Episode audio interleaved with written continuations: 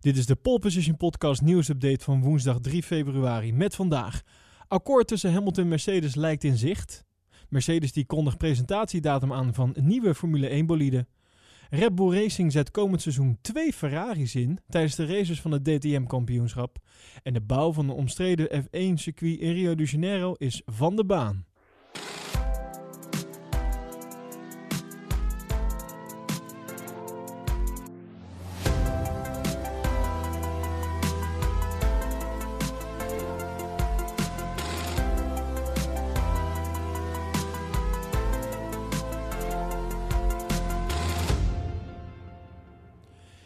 Ja, Lewis Hamilton en Mercedes uh, die lijken een akkoord in zich te hebben. Het Japanse autosport, autosportweb meldt dat Lewis en Mercedes een overeenstemming hebben bereikt over de grote lijnen van zijn contract. Het gaat hier om zaken zoals contractduur, een bonussysteem, maar ook over een vetorecht. Bronnen nabij Mercedes zouden dat bevestigen.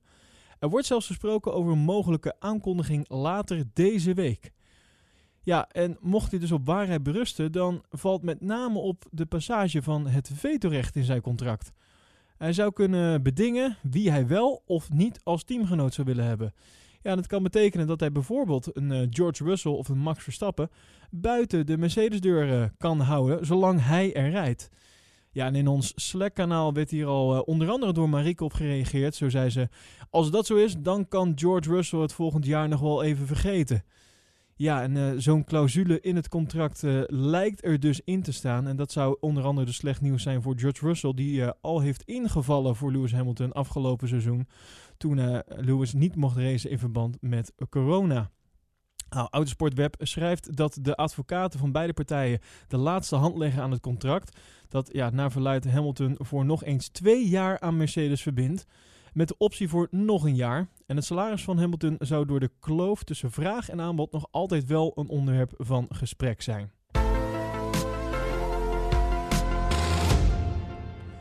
Dan nog meer nieuws uit het uh, kamp van Mercedes, want Mercedes die kondigde de presentatiedatum aan van hun nieuwe Formule 1 bolide. Mercedes heeft namelijk de datum bekendgemaakt. Uh, over precies een maand, op 2 maart dus, zal de Mercedes W12 onthuld worden. En dat is ja, verrassend laat. De volledige naam van die bolide is trouwens de Mercedes AMG F1 W12 e-Performance. En e-performance, uh, ja, dat komt dan uh, voort uit de nieuwe benaming voor de hybride technologieën die in de Mercedes AMG auto zit. Uh, maar met de presentatiedatum op 2 maart zijn zij dus vrij laat. Want ze wijken best wel af van onder andere McLaren, die al hun datum heeft bekendgemaakt. Namelijk 15 februari. En Alfa Romeo, die uh, komt een week later op 22 februari met hun auto voor het seizoen van 2021 naar buiten. Ja, en pas anderhalve week daarna volgt Mercedes pas. Ja, en een kleine twee weken daarna zullen we de nieuwe Mercedes wel al in actie gaan zien. En ook alle andere auto's natuurlijk. Want dan staan de testdagen in Bahrein gepland. Dat is namelijk van 12 tot en met 14 maart.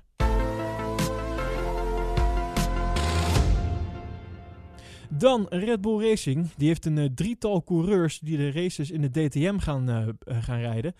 Ja, en de meest opvallende en misschien wel bekendste is ook wel Alexander Albon. die na een ja, vrij matig Formule 1 seizoen is vertrokken bij Red Bull Racing. Hij zal de DTM-races combineren met wel een rol als reserve- en ontwikkelingsrijder bij Red Bull Racing. En doordat hij dat gaat doen, kan hij dus niet elk raceweekend van het Duitse kampioenschap in actie komen. Uh, Red Bull heeft daarom Nick Cassidy als invaller aangesteld om de andere races voor zijn rekening te nemen.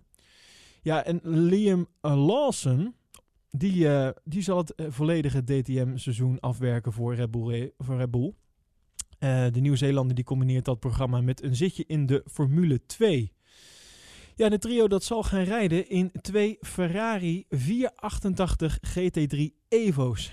De auto van Liam Lawson die is uitgerust met het, de Red Bull livery. En Albon en Cassidy die zullen rijden met een livery uh, zoals dat een beetje lijkt op de Alfa Tauri uh, livery op de F1-wagens. Ja, de wagens die zijn uh, geprepareerd door AF Course. En dat is ja eigenlijk gewoon het fabrieksteam van Ferrari als het gaat om de GT-racerij. En Red Bull die werd door DTM-baas Gerhard Berger in contact gebracht met EF Course. Uh, zo vertelde namelijk de eigenaar Amato Ferrari. Ja, hij zegt deze uitdaging is het idee van Gerrit Bergen en hij kwam ermee op de proppen. En we hebben in korte tijd een akkoord bereikt. En we zijn erg enthousiast over de samenwerking met Red Bull. En we hebben maar één ambitie en dat is de overwinning. Alle ingrediënten voor succes zijn aanwezig. En het is niet de eerste keer dat de Red Bull en Ferrari samenwerken. Van 2007 eh, tot 2013 reed de toenmalige Scuderia Toro Rosso met eh, Ferrari krachtbron in de Formule 1. En uh, Red Bull had in 2006 een seizoen lang de beschikking over de motoren van Ferrari voordat het overstapte naar Renault. Nou, op 7 en 8 april staat de eerste DTM-test op de planning. En deze worden gehouden op Hockenheim.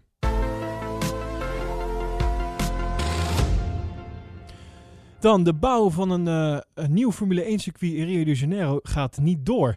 Want de burgemeester. Ja, dag meneer de burgemeester. Ja, Samson. Ja, de burgemeester die heeft besloten het uh, omstreden plan te annuleren. Maar hij sluit niet uit dat uh, de Formule 1 alsnog naar een andere locatie in de stad komt. Eind vorig jaar lekte een brief van toenmalig Formule 1-directeur Chase Carey. waarin stond dat er een deal zou zijn gesloten met de eigenaren van het nog te bouwen circuit in Rio. De bouw van de faciliteiten was uh, nou, behoorlijk uh, omstreden. Omdat er een natuurreservaat zou moeten worden gesloopt voor de bouw. Ja, ja. Gelukkig. Uh, oh, rustig maar. Gelukkig hoeft dat dus nu niet te gebeuren. Ja, want naast de Formule 1 had ook nog de MotoGP-organisatie een overeenkomst gesloten met het voornemen om een race te organiseren op het nieuwe circuit. Maar toch heeft de burgemeester van de stad dus nu besloten om de plannen te annuleren. En daarmee komt er voorlopig een eind aan een jarenlange strijd tussen Sao Paulo en Rio de Janeiro. De huidige promotor van de Braziliaanse Grand Prix die sloot in december weliswaar dan wel een nieuwe deal met Formule 1. Maar ook die deal die uh, stuit op weerstand. De nieuwe promotor van de race uh, MC Brazil Motorsport. Ja, die zou publiek geld hebben gebruikt om de deal binnen te halen. Vooral het feit dat de firma geen ervaring heeft met het binnenhalen van F1-races was voor ja, criticasters een reden om naar uh, de rechter te stappen. En de rechter die besloot het contract op te schorten. En het is niet duidelijk wat dit voor de aankomende editie van de race in ieder geval betekent. Want de race staat vooralsnog voor 7 november op de huidige Formule 1 kalender. Ja, en ook in uh, Rio de Janeiro heeft men uh, de plannen voor een Formule 1 race dus nog niet opgegeven. De burgemeester zou voornemens zijn mee te werken als een circuit elders in de stad gebouwd kan worden. En de deal die de Formule 1 met de promotor heeft gemaakt, die zat ook niet vast aan dit circuit. Ja, het is niet de eerste keer dat een deal van Liberty Media ja, tot niets uitdraait. Want eerder had de organisatie ook al plannen voor Grand Prix in onder andere Vietnam en Miami. Maar beide gingen niet door. Ja, Rio de Janeiro kan uh, vooralsnog aan dit lijstje dus worden toegevoegd. En voor meer nieuws en feitjes ga je naar ons Instagram-account @polepositionnl. Vergeet je niet te abonneren op deze podcast via jouw favoriete podcast-app om op de hoogte te blijven van het laatste nieuws over de Formule 1. En vind je deze updates leuk, uh, leuk en wil je ons uh, financieel steunen? Kijk dan eventjes op petje.af slash poleposition voor alle mogelijkheden en leuke bonussen.